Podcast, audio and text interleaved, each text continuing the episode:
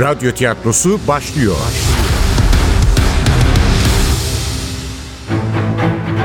Kayıp Tanrılar Ülkesi 13. Bölüm. Eser Ahmet Ümit. Radyoya uyarlayan Safiye Kılıç. Seslendirenler. Anlatıcı Bora Sivri. Başkomiser Yıldız Nur Saçbüken Otan Tobias Murat Aydın Cemal Onur Kırış Rafael Moreno Kaan Songün Otto Fischer, Ozan Kotra, Garson Kız Zeynep Er, Efektör Cengiz Saral, Ses Teknisyeni Erman Gündüz, Yönetmen Aziz Acar.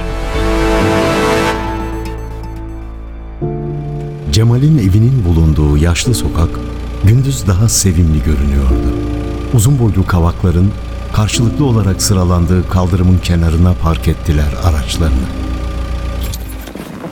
Arabadan inerken cinayetin işlendiği evin karşısındaki duvar dikkatini çekti başkomiserin. Gözlerini kısarak baktı.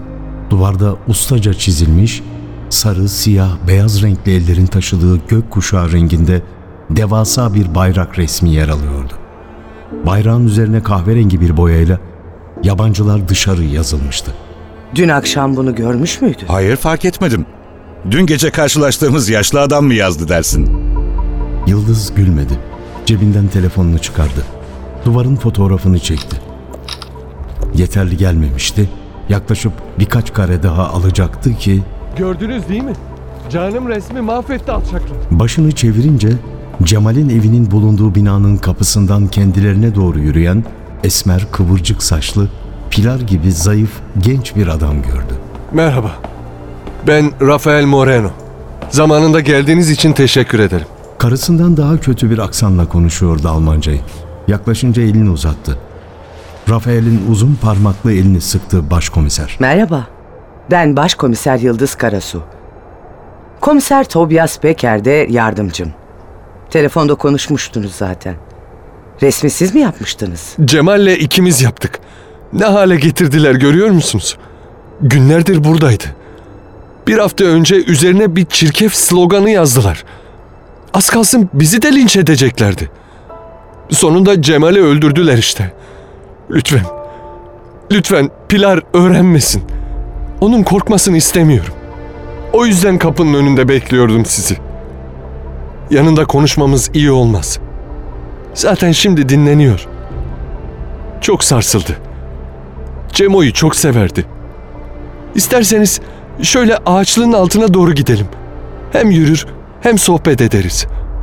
Hem de size Cemal'i öldüren alçakların mekanını gösteririm. Ne kadar da kesin konuşuyordu. İçinde büyüyen bir heyecan hissetti Yıldız. Galiba sonunda doğru dürüst bilgi alacakları birini bulmuşlardı. Tobias ondan önce davrandı. Cemal'in katillerini biliyor musunuz yani? Biliyorum tabii. B- biliyorum tabii. Ama ne olur burada konuşmayalım. Rafael'in hamile karısını düşünmesi takdire şayandı. Ancak söyleyecekleri çok daha önemliydi. Tabii. Tabii. Hadi yürüyelim. Bizim de bacaklarımız açılmış olur biraz. Şefi gibi saatlerdir görevde olan Tobias'ın hayali bu değildi. Arjantinlilerin mütevazı evinde ucuz koltuklarına yayılıp kahvesini yudumlayarak beyin jimnastiği yapmayı tercih ederdi. Ama Rafael öyle bir girmişti ki konuşmaya. Bu çileyi çekmeye değerdi. Arjantinli ressamı ortalarına alarak kavak ağaçlarının altında yürümeye başladılar. Kimmiş Cemal'i öldürenler? Resminizi kirletenler mi? Elbette. Başka kim olacak? Otto denen o sinsi herif ve arkadaşları. Otto mu? Yani katilin ismini de biliyorsunuz. Elbette. İki kere karşılaştım bu adamla. Önce birhanesinden kovmaya çalıştı beni. İkincisinde de SS birliklerinden kalma kasaturasıyla tehdit etti bizi.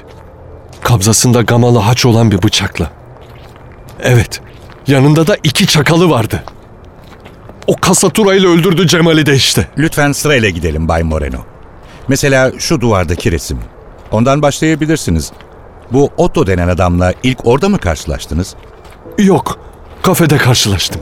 Evet, şu aşağıda Kafe 88 diye bir yer var. Heil Hitler. Kafe Heil Hitler ha? Heil Hitler kafe değil. Kafe 88. Kafe 88. Kafe Heil Hitler anlamına geliyor. Neonaziler Heil Hitler demek için kullanıyorlar o sayıyı. Öyle mi? İlk kez duyuyorum. İnce bir rüzgar çarptı yüzüne. Yine ıhlamur kokusunu hissetmişti Yıldız. Derin derin içine çektikten sonra açıklamaya başladı. Alman alfabesinde H 8. harftir. İki 8 yan yana gelince Heil Hitler'in baş harflerini oluştururlar. Hatta 18, 88'i de kullanırlar. 18. A ile H harfi. Adolf Hitler. Kesinlikle. Hitler ve ona ait sembollerin kullanılması yasak olduğu için neonaziler bu sayıları kullanıyorlar. Gerçekten bilmiyor muydunuz? Bilmiyordum. Nereden bileyim? Bilseydim girer miydim o mekana? İki ay kadar önceydi. Anahtarı evde unutmuştum. Pilar da alışverişe gitmişti. Biraz gecikti. Vakit geçirmek için kafe 88'e girdim. Girer girmez de anladım bir terslik olduğunu. Duvarlarda asker resimleri, kartal sembolleri, çift şimşek çizimleri, bayraklar filan vardı. Ama girmiştim bir kere. Çaresiz bir köşeye çöktüm. İçeridekiler de benden hiç haz etmemişlerdi. Ters ters bakıyorlardı. Gördüğünüz gibi tenim oldukça koyudur. Arap sanmışlar beni. Garson kızlardan biri geldi. Araplara hizmet vermiyoruz. Lütfen gidin. Ben Arap değil, Arjantinliyim. Hem Arap olsam ne olur? Hiçbir yere gitmiyorum. Madem ki burası bir kafe, bana da hizmet etmek zorundasınız. Evet, böyle söyledim. Kız başını çevirdi. Tezgahın arkasındaki kel kafalı, boyu ancak 1.50 civarında olan deri ceketli adama baktı. Adam beni duymuştu. Garsona göz kırpıp başını salladı. Anında değişti kızın tavrı. Mavi gözlerindeki buzlar eridi. Yüzüne tatlı bir yumuşaklık yayıldı. Özür dilerim bir yanlış anlaşılma oldu. Ne içmek istersiniz? Ben de zoraki gülümsedim. İçecek bir şeyler istedim. Kız gidince kel herif yanıma geldi. Gerçekten de çok kısaydı. Ama vücut çalıştığından olsa gerek kaslı bir bedeni vardı. İlk dikkatimi çeken iri pazılarındaki dövmelerdi. İki tarafa da aynı gamalı haçı kazıtmıştı. Elini uzattı. Ben Otto Fischer. Buranın sahibiyim. Kusura bakmayın sizi o kanakelerden biri sandık. Kanake'nin ne anlama geldiğini biliyordu. Ben de Kanake sayılırım. Ne de olsa yabancıyım. Yok, Arjantinlileri kanake saymıyoruz. Sizin ülkeniz geçmişte dava arkadaşlarımıza kucak açmıştı. Minnet borcumuz var Arjantin'e. Ne iş yapıyordunuz Bay? Bay, Rafael, ne iş yapıyorsunuz Rafael? ressamım. Hitler'in de ressam olduğunu biliyor muydunuz? Führerimiz gerçek bir sanatçıydı. Kusura bakmayın. Sizin de, Führerinizin de görüşlerine katılmıyorum. Buranın Nazilerin mekanı olduğunu bilseydim adımımı atmazdım. Çıktım oradan. Kapının önünde nasıl bir rahatlık hissettiğimi anlatamam. Biraz yürüdüm. Geriye baktığımda Otto ile iki arkadaşının Kafe 88'in kapısından beni izlediğini gördüm. Bir an korkuya kapıldım peşimden gelecekler diye. Ancak yapmadılar. Pilar'ı bahçede bekleyip bir daha da Kafe 88'in önünden geçmemeye karar verdik. Fakat bu karar beni bu katillerden uzak tutmaya yetmedi. O kadar sakin, o kadar ayrıntılarıyla anlatıyordu ki deneyimli polislerin ikisi de sözünü kesmek istemedi. Aradan bir hafta geçti. Nazilerden ses seda çıkmadı. Bu arada Cemal'le ben Onur gününe yetiştirmek için evimizin karşısındaki duvara o gördüğünüz resmi çizmeye başladık. Bir iskele yaptık. Her gün belli saatlerde çalışıyorduk. Çok da iyi iş çıkarıyorduk. Bir gün çalışırken iskelenin sallandığını fark ettik. Ne oluyor demeye kalmadan bu Otto ve iki adamı aşağıdan üzerimize yumurta atmaya başladılar. Bir yandan da bağırıyorlardı.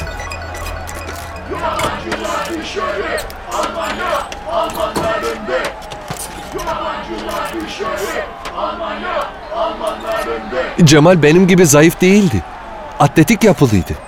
Gençliğinde savunma sporları yapmıştı. Açıkçası çok da gözü karaydı. Anında indi aşağıya. Onun geldiğini gören Naziler, gel, gel de dersini verelim nonoş diye dayılanıyorlardı. Fakat Cemal yere iki metre kala iskeleden bir kaplan gibi atladı heriflerin üzerine. Üç Nazi de neye uğradıklarını şaşırmıştı. Almanya'dan kovmak istediği Kanake'nin altında kalan Otto küfürler ediyor, arkadaşlarından yardım istiyordu. Ama Cemal adamın yamuk suratının ortasına iki yumruk çakınca sesi kesildi. Ayaktaki Nazilerden biri hala elindeki yumurtaları atmaya çalışıyordu. Cemal göğsünde kafasında patlayan yumurtaları aldırmadan cesurca yürüdü üzerine. Adamın yakasından tuttu. Bilhassa aşağılamak için yumruklarını kullanmak yerine eliyle iki tokat patlattı. Ancak pek etkili olmadı. Bunun üzerine deri ceketinin yakasından tutup burnunun üzerine sağlam bir kafa yerleştirdi. Herif k***nın üstüne düştü. Hitler'in üçüncü kahramanı tırsmıştı. Ayakta öylece durmuş, ne yapacağını bilemeden şaşkınlıkla olanları izliyordu. Çok sürmedi. Kanlarının döküldüğünü, onurlarının yerlerde süründüğünü görünce sadakati boş verip tabanları yağlamayı seçti. Bu arada Otto ilk sersemliğini atmış, eliyle suratını yoklayarak ayağa kalkmıştı. Arkadaşlarının halini görünce kendini kaybetti. Belindeki kasaturayı çıkardı. Az önce anlatmıştım ya. Kabzasında gamalı haç olan o uzun ve keskin bıçak işte. Öfkeyle Cemal'in üzerine yürüdü. Bizimki sırtı dönük olduğu için onu göremiyordu. Dikkat bıçak! Bıçağı var Cemo diye bağırdım. Tam zamanında döndü. Otto kasaturayı savururken geri çekildi.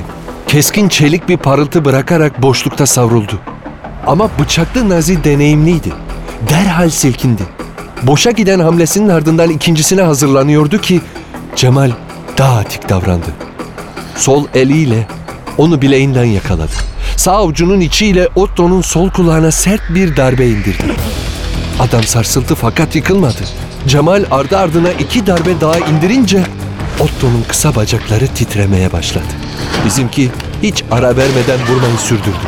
Adım adım gerileyen Kafe 88'in sahibi bir taşa takılıp tıpkı arkadaşı gibi düştü yere. Elindeki bıçak kaldırıma fırlamıştı. Cemal üstüne yürümeyi sürdürdü. Artık Otto'nun gözü yılmıştı.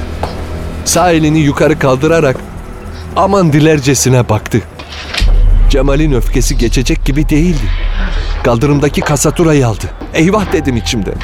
Cemo Neo Nazi'yi deşecek. Yapmadı. Bıçağı elinde sallamakla yetindi. Ve öfkeyle yolu gösterdi. Şimdi git dedi. Peki karınız? Pilar nasıl karşıladı olanları? Pilar Frankfurt'taydı. Arkadaşlarına gitmişti. Bunların hiçbirini görmedi. Sadece resmimizin üzerine yazılanları okudu. Biz de önemli bir şey değil diyerek geçiştirdik. Öğrenirse çok kötü olur. Bilmiyorum. Belki de taşınmalıyız buradan. Belki de sıra bendedir. Peki sonra ne oldu? Kaçtı mı Otto? Kaçmadı.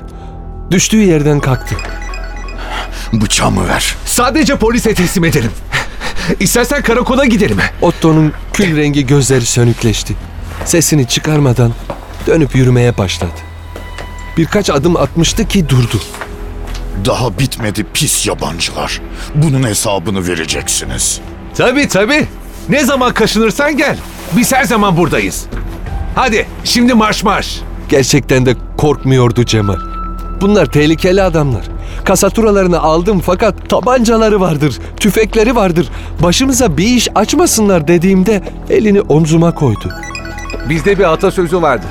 Isıracak köpek dişini göstermez. Ama bakın ısırdılar işte. Önce resmimizin üzerini boyadılar. Sonra da o kasaturayla Cemal'in kalbini söktüler. Göz göre göre. Polise niye gitmediniz? Size saldırdıklarında diyorum. Neden Otto Fischer'i şikayet etmediniz? Yanlış anlamayın. Sizi kastetmiyorum ama polis onlara bir şey yapmaz. İşgal evindeyken de neonaziler saldırmıştı bize. Polise bildirdik. Onları yakalayacaklarına şikayete giden arkadaşlarımızı gözaltına aldılar. Polisler ne diyeceklerini bilemediler. Bir süre sessizlik oldu. Kasatura Cemal'in evinde mi duruyordu? Evet, bilgisayar masasının üzerine koymuştu. Savaş ganimeti diyordu. Kablasındaki gamalı haçı bile kapatmamıştı. Zarfları, paketleri açıyordu onunla. Ama evde kasaturayı bulamadık. Bulamazsınız tabii çünkü Otto ve adamları aldılar. Anlamıyor musunuz? Cemal'i onunla öldürdüler diyorum. Sonra da bıçaklarını alıp kaçtılar. Elinizde kanıt var mı? Ya da bir görgü tanığı? Daha iyisi var. İki bina ötede oturan Peyman'ın güvenlik kamerasına yakalanmışlar. Kamera mı? Evet, kamera. Bu sabah söyledi Peyman. Peyman Mecidi. İranlı bir göçmen. Karısı ve oğluyla bizim binanın biraz ilerisinde oturuyor. Peyman'ın güvenlik kamerasına yakalanmış Otto ve iki çakalı. Ben de gözlerimle gördüm. Tam 23.37'de. Kaydı sakladı Peyman. Kamerada tam olarak ne var? Otto ve adamları sizin binadan çıkarken görülüyor mu? Hayır. Kameranın görüş alanı bizim binanın önüne kadar uzanmıyor. Ama Otto ve iki arkadaşının hızla sokaktan geçerek kafelerine gittiğini açıkça gösteriyor. Telaş içinde kaçıyorlar. Eğer onların kafelerine baskın düzenlerseniz Kasatura'yı da bulursunuz. Yıkamıştır tabii. Yine de kan izi falan kalır değil mi? Kalır kalır. Cinayet kasatura ile işlendiyse mutlaka tespit ederiz. Peki Cemal'in evinin yerini kim söylemiş olabilir onlara? Kimsenin söylemesine gerek yok ki. Bilmezler mi? Kafe şurası zaten. Bakın oradalar işte. Kafenin önünde oturuyorlar. Gerçekten de ilerideki kafenin önündeki dört masadan ilkine çöken iki adam güneşin altına yayılmış içeceklerini yudumluyorlardı. Ressam o kadar korkmuştu ki anlayışla baktı Yıldız. Teşekkür ederiz Bay Moreno. Siz artık evinize gidebilirsiniz. Bize güvenebilirsiniz. Biz kesinlikle nazi değiliz. Birileri sizi ve karınızı tehdit ederse mutlaka arayın. Teşekkür ederim. Bir gelişme olursa ararım. Arjantinli ressam geri dönerken Yıldız'la Tobias kafe 88'e doğru yürümeyi sürdürdüler.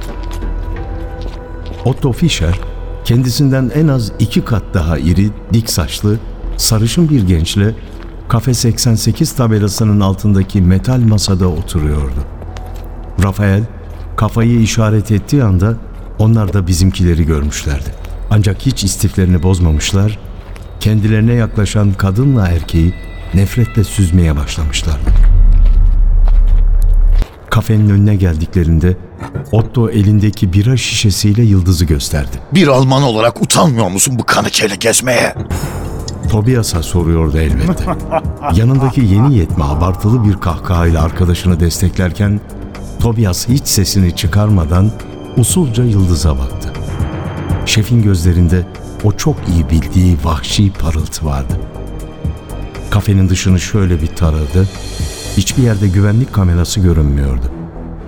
Memnuniyetle başını salladı. Sonra dudaklarına keyifli bir gülümseme yerleştirerek masaya yaklaştı. Ne bir küfür, ne saldırgan bir beden dili. O kadar sakindi ki Otto ve arkadaşı ne yapacaklarını bilemeden öylece baka kaldılar. Tobias masaya yaklaşınca adeta nazik bir tavırla elini uzattı. Alabilir miyim? Ne? Neyi? Otto gevelerken Tobias içki şişesini kaptığı gibi adamın kafasına indiriverdi. Güneşin altında küçük bir el bombası gibi patlayan şişeden akan sıvıyla Otto'nun kel kafası önce sarıya, sonra parçalanan camların kestiği deriden yayılan kanla kırmızıya boyandı.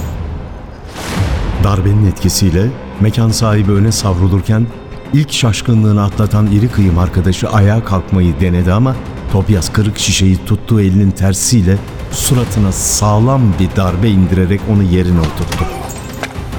Yıldız bir adım geride durmuş sakince olanları izliyordu. Elindeki kırık şişeyi yere atan Tobias yeniden Otto'nun deri ceketini ensesinden yakalamıştı. Başını ardı ardına iki kere demir masaya vurdu. Otto'nun suratı kan içinde kalmıştı. Otto aniden ayağa fırladı. Kana bulanmış suratında gri gözleri öfkeyle yanıyordu. Belindeki deri kılıftan çektiği kasaturayla Tobias'a saldırdı. Sanki bunu tahmin etmiş gibi Tobias çevik bir hareketle sol kolunu kaldırarak Otto'nun kasaturayı savuran sağ koluna karşı koydu. Otto'nun dengesi bozulmuştu ama hemen toparlandı. Bıçağı daha sıkı kavradı. İkinci kez saldırmaya hazırlanıyordu ki polisin sağ yumruğu bir balyoz gibi suratında patladı. Birkaç adım geriledi Otto. Kendi haline bırakmadı Tobias. Sağlı sollu yumruklarla süslemeye devam etti Naz'ı. Otto artık dengesini koruyamıyordu. Kasaturası elinden düştü. Yıkılmamak için kafenin sundurmasını tutan ahşap direklerden birine yaslanmak zorunda kaldı. Biçimsiz kafası kırmızıya boyanmış bir patatesi andırıyordu. Yardım et Chris! Zaten Chris de onu yapmak istiyordu. Ancak Yıldız buna fırsat vermedi. Metal masayı iskemlesinde doğrulmaya çalışan gencin üzerine itti. Göğsüne çarpan masanın etkisiyle dengesi bozulan delikanlı da iskemlesinden düşerek yere eğildi. Tam adamları alt ettiklerini düşünürken kafenin kapısı açıldı. En az Chris kadar kalıplı kumral bir delikanlı dışarı fırladı. Dikkat! Toby dikkat!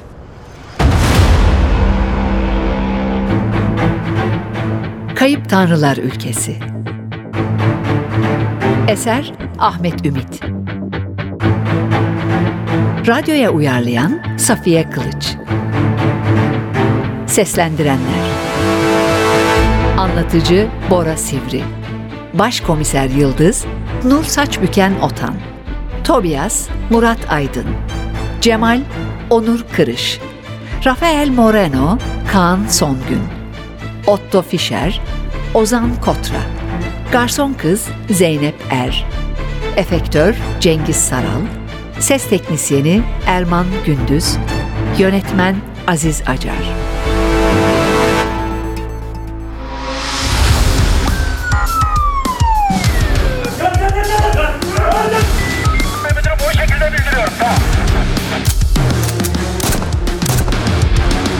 Radyo tiyatrosu sona erdi. Radyo tiyatrosu her cumartesi 11.30'da NTV Radyo'da. Kaçıranlar ve tekrar dinlemek isteyenler içinse ntvradio.com.tr'deki podcast sayfamızda.